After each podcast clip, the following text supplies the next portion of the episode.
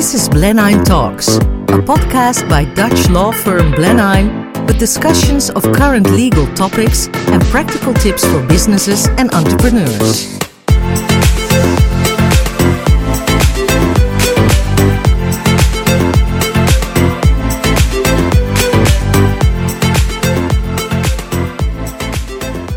Hello, uh, everybody. Uh, I'm glad you're listening in to our uh, podcast about my new book on business licenses in the Netherlands. I'm here today with uh, Campbell Burns, my, uh, my colleague, who will uh, join in in the conversation uh, on the book. We'll discuss the main topics of the book, but we also will look to the coming year, for example, to the top five licenses we expect to be very interesting uh, for you in the Netherlands.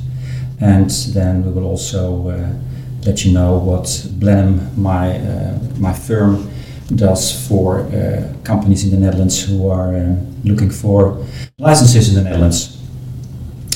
I'll start with a short introduction on the book.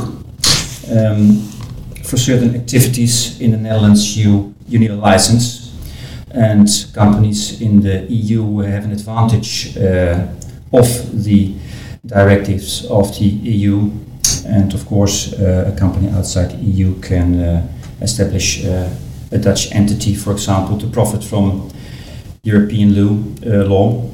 In this book I discuss uh, the general procedures that are relevant to the application for a license in the Netherlands and the word business licenses is actually an umbrella term for all kinds of licenses available in the Netherlands. And these licenses are actually uh, spread out in various acts and regulations. But they all share the same characteristic, characteristic, and that is that they are subject to a general procedure for obtaining a license, and that procedure is laid down in the General Administrative Law Act. And I will uh, mention a few specific uh, items about this procedure.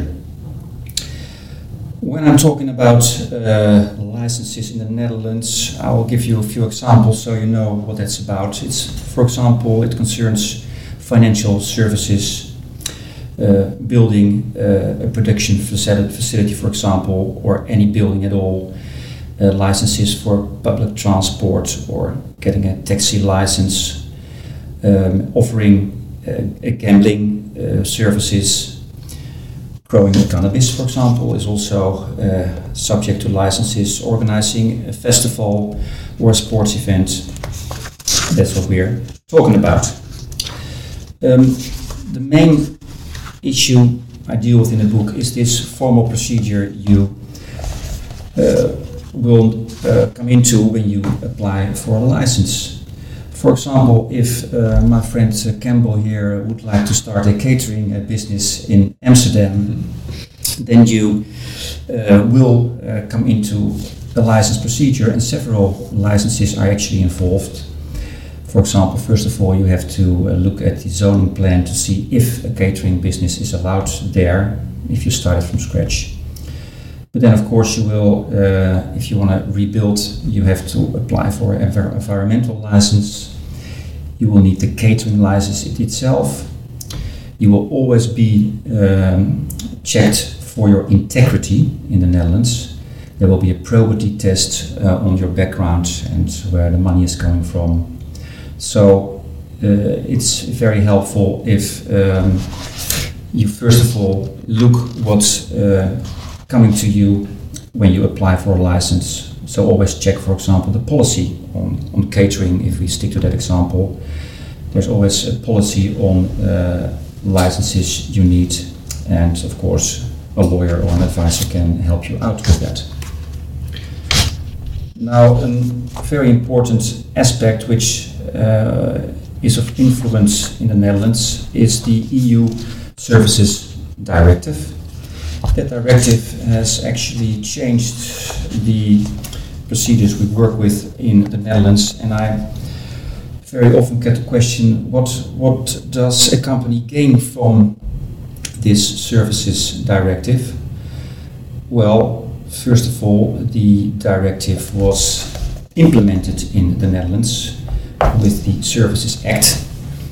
That was not a real good implementation, so we always look at the Services Directive itself.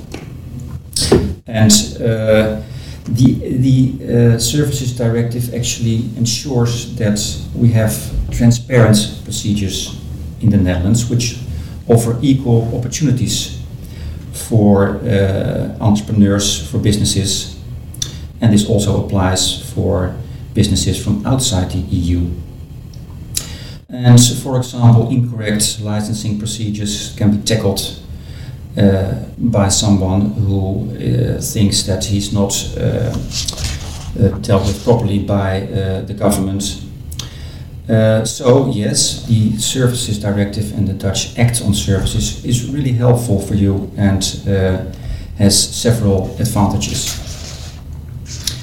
There are some main items dealt with in the directive, for example, the license procedures should be non discriminatory.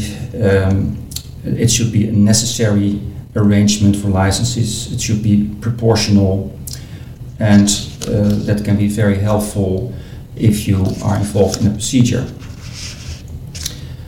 Another issue dealt with in the Services Directive is that if a license is not a scarce license, so there's an unlimited amount of these licenses available, that they can not be granted for a limited period of time. And that will be different if licenses are, for example, by their own nature, are, are limited. Uh, because, for example, there is scarcity of available natural resources or technical possibilities. And then we are talking about scarce licenses and that's an interesting subject because usually these scarce licenses are very profitable, interesting, and they may be the ones you want to go for. Um, I'll just look at Campbell actually because he has been helping me with this book because I'm not a native speaker and uh, he is. Mark, nice to be here. Yeah, thank you that you're that you're with us and. Um, I wonder actually what you uh, find peculiar or interesting about the Dutch uh, license uh, procedures. Yeah, it's an interesting question. It's one that I think you just touched on there, actually. And one thing I find particularly interesting in Dutch licensing law is its applicability to everyday life in the Netherlands. And this is most evident for me in the concept of scarce licenses, which you just discussed. This is also something that you went into in much more detail in your last book, The Battle for Scarce Licenses. Um, as you mentioned there, scarce licenses are in essence something that is limited for various reasons, whether it's lack of availability of public space, uh, natural resources, technical constraints, or public policy considerations. And I think the Netherlands is very well known internationally for being a very good utilizer of the limited space it has available. And scarce licenses are a good representation of this. For instance, in Amsterdam, the number of tour boats that can cruise the canals or the number of bed and breakfasts that can operate here are all subject to scarce licenses due to the limited space that we have available here. The same goes for food vendors throughout the country or beach pavilions that operate primarily throughout summer. And by the same token, also coffee shops that sell cannabis throughout the country are also subject to scarce licenses uh, at a national level due to public policy considerations. Because of the demand for these licenses often outstrips supply, uh, litigation concerning these scarce licenses, as I think you touched on just before, is quite common, uh, particularly regarding the particular procedures the licensing authority has to go through when distributing these. But I think how commonplace scarce licenses are in everyday life here and how you can see them operate, particularly in Amsterdam, make them an interesting concept. And uh, the book goes into that into more depth. Yeah, thank you, thank you, Campbell. That's uh, that sounds really good. Scarce licenses are really an interesting uh, uh, subject. Uh, also in this book, and I've uh, written an, another book on that in Dutch actually. Um, I will deal with some issue, issues which you will encounter when you are involved in license procedures in the Netherlands, and one of them, I already mentioned it, that's probity screening. And in Dutch, it's called the Bibob Act. Uh, that's actually an abbreviation. And um, when you come across that word Bibob, then you're involved in integrity and integrity testing.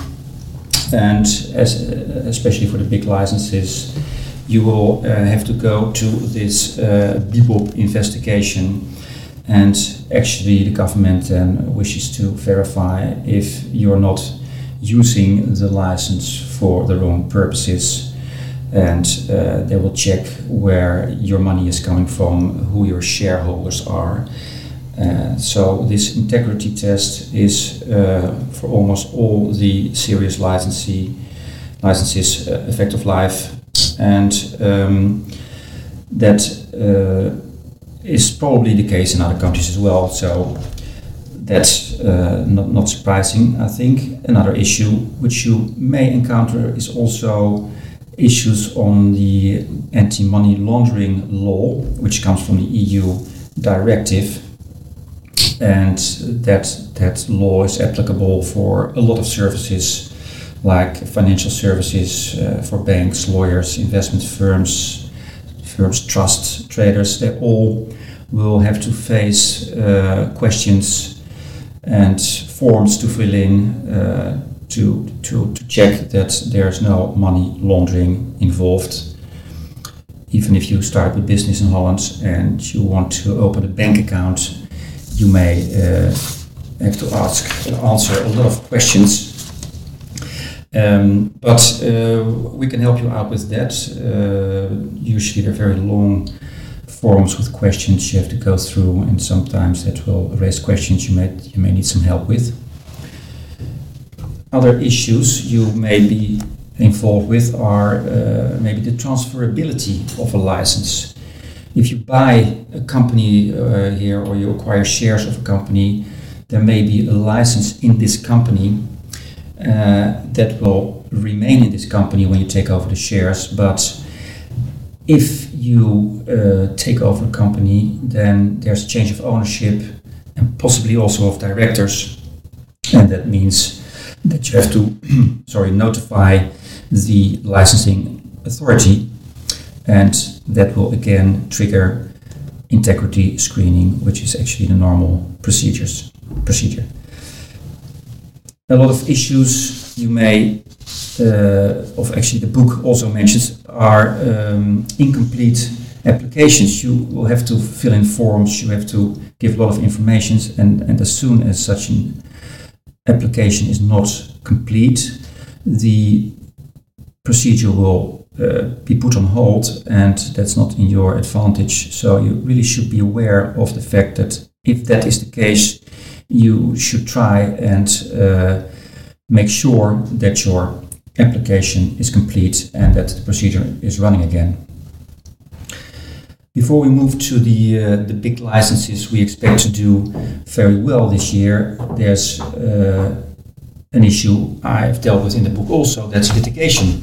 Uh, there's a lot of litigation about licenses and uh, it's, it's good for you to know, I guess, that if there's trouble with a licensing authority, then there is, of course, the possibility that you look at your legal rights there, and there are quite a few possibilities. And one of these possibilities is that you can claim in summary proceedings an injunction from the administrative judge to help you out if a licensing authority is, is not doing what it should do.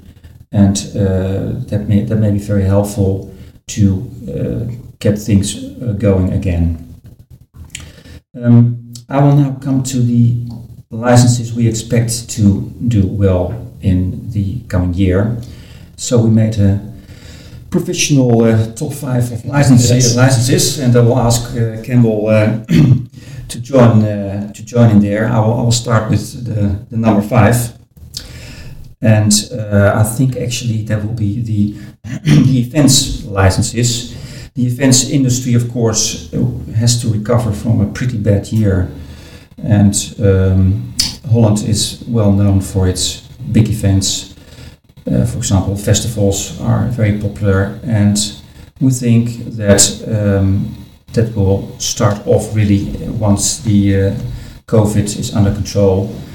And for example, if you want to organize a festival on the Museum Square in Amsterdam, then you uh, are involved in licenses. You may need quite a few licenses actually to do that. And um, this all depends on the municipality that uh, you're in. And if it, that's in Amsterdam, then they will know how to deal with that because there are a lot of events in Amsterdam. So yeah, I think event licenses will really hit off once uh, there is uh, space for that. And then um, the next uh, licenses that may be involved is something, uh, Campbell, you may uh, have a look at. Yeah, so I think uh, that's a good point with events licenses there, Mark. Hopefully, we'll be able to see some this year as COVID uh, slowly drips away. But I think the fourth biggest uh, license we'll look at for 2021 is that for mergers and acquisitions. 2020 uh, was a particularly tough year for the mergers and acquisitions market. The economic uncertainty created by COVID 19 resulted in many parties withdrawing from deals and other deals being postponed as it was unclear how COVID restrictions and government policies would be put into place. There was a fair bit of litigation that occurred at this time. One high profile case in the Netherlands was heard in the Netherlands Commercial Court. Uh, it involved a Dutch holding company withdrawing from a deal worth around 169 million euros for shares in an equestrian show jumping company as a account of COVID 19, as an example. However, uh, there's been evidence of a strong recovery of the M&A uh, market in the latter half of 2020. This is positive news. Um, the financial publication in the Netherlands, the FD, reported that at that time there were around seven major deals in the pipeline in the Netherlands, four of which were likely to be completed by the end of the year, including the sale of giant uh, supermarket, and retailing uh, company Hema. There are a few reasons for this, one of which being a um, greater economic certainty as to which industries are affected by COVID 19 and which aren't. Uh, another of which is a high amount of capital uh, contained within private equity firms ready to be invested in the European and Dutch market. But that's a bit on the recovery of the M&A market in terms of the actual licensing procedure uh, going about. Uh, this process, there are certain uh, certain mergers and acquisitions. A notification will need to be made to the Dutch competition authority, being the ACM, and it will be necessary in certain circumstances. These include, firstly, where the companies involved jointly realise a worldwide group turnover exceeding 113.45 million euros. Secondly, where at least two of those companies involved individually have a group turnover in the Netherlands of at least 30 million euros and the transaction is not subject to a notification obligation with the European Commission on account of, uh, on account of the amounts involved. Now, how to go about this actual process? So, mergers are reported by completing a merger notification form. So, within four weeks of receiving this form, the ACM uh, will inform the applicant whether a license is necessary for the transaction in question. And this will be the case if the ACM believes the transaction could affect effective competition in the Netherlands, especially by creating a dominant market position for one of the parties. And taking it back a step, in order to actually determine whether one of these merger notification forms is necessary, parties can ask the ACM for an informal opinion. And these informal opinions are then generally made public in an anonymised format. And these can also provide parties with more certainty as to what information to include in a notification form, as often not enough information is included. And this can be uh, very unideal for parties as it might delay a potential transaction. From that point on, the ACM will assess uh, license applications against applicable competition law principles. Licenses can be refused, as was the case, for instance, in 2019, where PostNL uh, initially, when it uh, looked to purchase its competitor Sandd, and uh, licenses can also be granted, but subject to conditions. So that's a bit of an overview of M&A licensing this year, um, and I might go to Mark for what we think the third biggest license, uh, third biggest license this year would be, which is cannabis and CBD licenses. Yeah, thank you for that, uh, Campbell. Number three, indeed, is uh, cannabis in uh, in Holland. We think that will um, do well this year. First of all, uh, the coffee shops in Holland are allowed to sell uh, cannabis under strict conditions and we've noticed that several municipalities are actually allowing more coffee shops. So that's interesting to have a look at. And then another interesting market is the, of course, the CBD products. uh, CBD is a substance in cannabis and um, is a big industry in, in the US. It's, it's doing uh, 17 billion dollars, uh, I think. And we've noticed that a lot of products are coming to the market, and uh, we as a firm help out these uh, companies to do uh, the regulatory compliance involved in these products, especially because CBD is regarded as a novel food and that means that extra uh, rules are applying. Then the next big thing on cannabis is that uh, there is an experiment in ne the Netherlands to grow cannabis um, by uh, licensed growers. And the selection has already been done. So 10 growers are selected, and as we are speaking, they are going to uh, through the integrity process, the Bibob test I've uh, told you about. So in February, we expect uh, the names of these 10 state growers who, uh, as an experiment, will uh, grow and deliver their products to uh, about 80 coffee shops in the Netherlands. There are around about 550 coffee shops in the Netherlands now. So that's something quite new. And uh, we actually um, have advised one of these growers. They first have applied for an exemption for medical cannabis that was successful, and now they were selected as one of the growers. And we will await if they also pass the integrity test, of course. Um, so yeah, that will be more business uh, this year. And then on a for number two, I uh, turn uh, to Campbell uh, again. It's about financial services. Yeah, thanks, Mark. Um, so this is a big one. Uh, so entities wishing to perform financial services in the Netherlands will require permission to do so in the form of a license, and these are applied for uh, from the AFM, the Netherlands Authority for Financial Markets, or the DNB, the Dutch Central Bank, depending on the activity in question. So, activities that will fall under the umbrella of uh, financial services include giving financial advice, operating as an insurer, operating as a clearinghouse, or interestingly, providing crypto services for virtual currencies. Now, crypto service providers, uh, that's quite a hot topic at the moment. It's a hot topic this week. Uh, it was in the news that Bitcoin uh, reached over 31,000 US dollars for the first time in its history. And in the Netherlands, all crypto service providers have to be licensed with the DNB. And the DNB will aim to assess the risks of money laundering and terrorist financing within these organizations.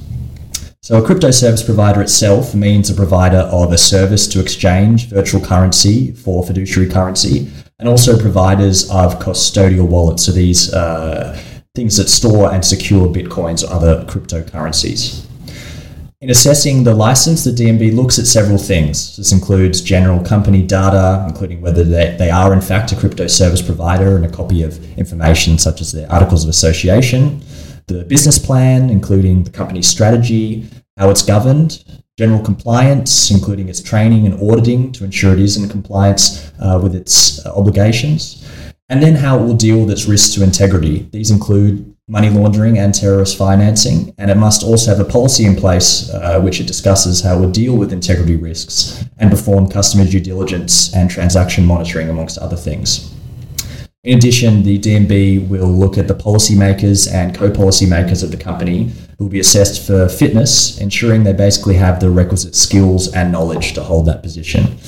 This is a very interesting subject and one that we a license that we uh, predict to be quite a big one in 2021.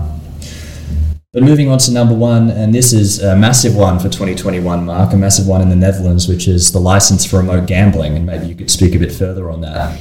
Yes, sure. Licenses for uh, remote gambling will be the big thing in Holland.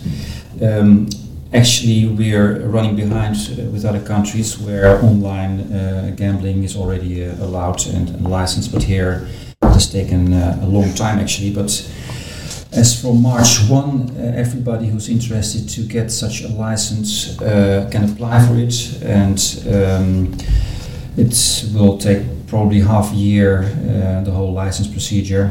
and um, they expect that there will be about 80 or 90 licenses um, granted. They are dealt with by the Dutch Gambling Authority. Uh, the abbreviation on internet is uh, KSA, and you will find a lot of information on their website. So, what remote games are uh, then allowed with this license? These are uh, casino games in which the players play against uh, the license holder, casino games in which players uh, play against each other. Then we have betting on events, sport events, so that's sport betting. And then you have the betting on uh, horse races. Other uh, games of chance like lotteries, they are actually actually dealt with um, with the uh, regular rules we already have. The Remote Gambling Act is a new act, and uh, that's the one that comes into force on March 1. If you want to uh, apply for a license, please note that this should be done uh, digitally and uh, the application is in Dutch. And uh, the application cost will be uh, 45,000 euros and if the license is not granted, uh, granted, then this money will not be refunded. There is a lot of uh, regulation on this subject. Uh, on our website, blenheim.nl, you can find various articles on that explaining uh, the procedure. And of course, we can always uh, help you out with that. So, that was our uh, top five and if you are interested in more big licenses, then you have to look uh, to chapter two of the book. I think I should mention that the book is available with Kluwer, that's the uh, publisher. They have a big website, and if you look for uh, business licenses in the Netherlands, the, their site will pop up and it will be available with uh, Kluwer as from today. And I think um, maybe it's interesting, uh, Campbell, that we uh, explain a little what we do as a law firm to help out uh, businesses that wish to apply for licenses in the Netherlands. Yeah, definitely. Um, actually, we, we do quite a lot of that, and uh, I already mentioned the, the example um, that we helped out a company for applying for an exemption for medical cannabis that's one of the things we do. So we, we deal with the regulatory compliance uh, for, for clients that wish to do business here. And uh, there's a lot of regulations, and some of it may be completely different uh, from the country uh, someone is operating in. So that's where we help out and try to get things done here. And also with regard to uh, incorporation, we help out uh, companies. We do, yeah. Uh, we regularly assist clients in all stages uh, in the Netherlands, from the incorporation of a legal entity to the rollout of the operations of that entity and all the legal aspects involved in this. Um, I have to say that I think the, the book, Mark's new book, is an extremely helpful guide in assisting parties with business licenses. As is evident in the book, the complexity of these processes, as you mentioned, Mark, make it highly recommendable to have a lawyer to assist you throughout this process. And Blenheim's administrative and international teams are here to assist foreign parties throughout the entire stage of applying for licenses in the, in the Netherlands, making this as straightforward as possible and helping with any regulatory compliance issues that arise along the way. Yeah, absolutely. So I think that's uh, what we wanted to share with you. Thank you very much for uh, listening, and please uh, tune in on our uh, next podcast that will be posted soon. Thank you very much. Thank you.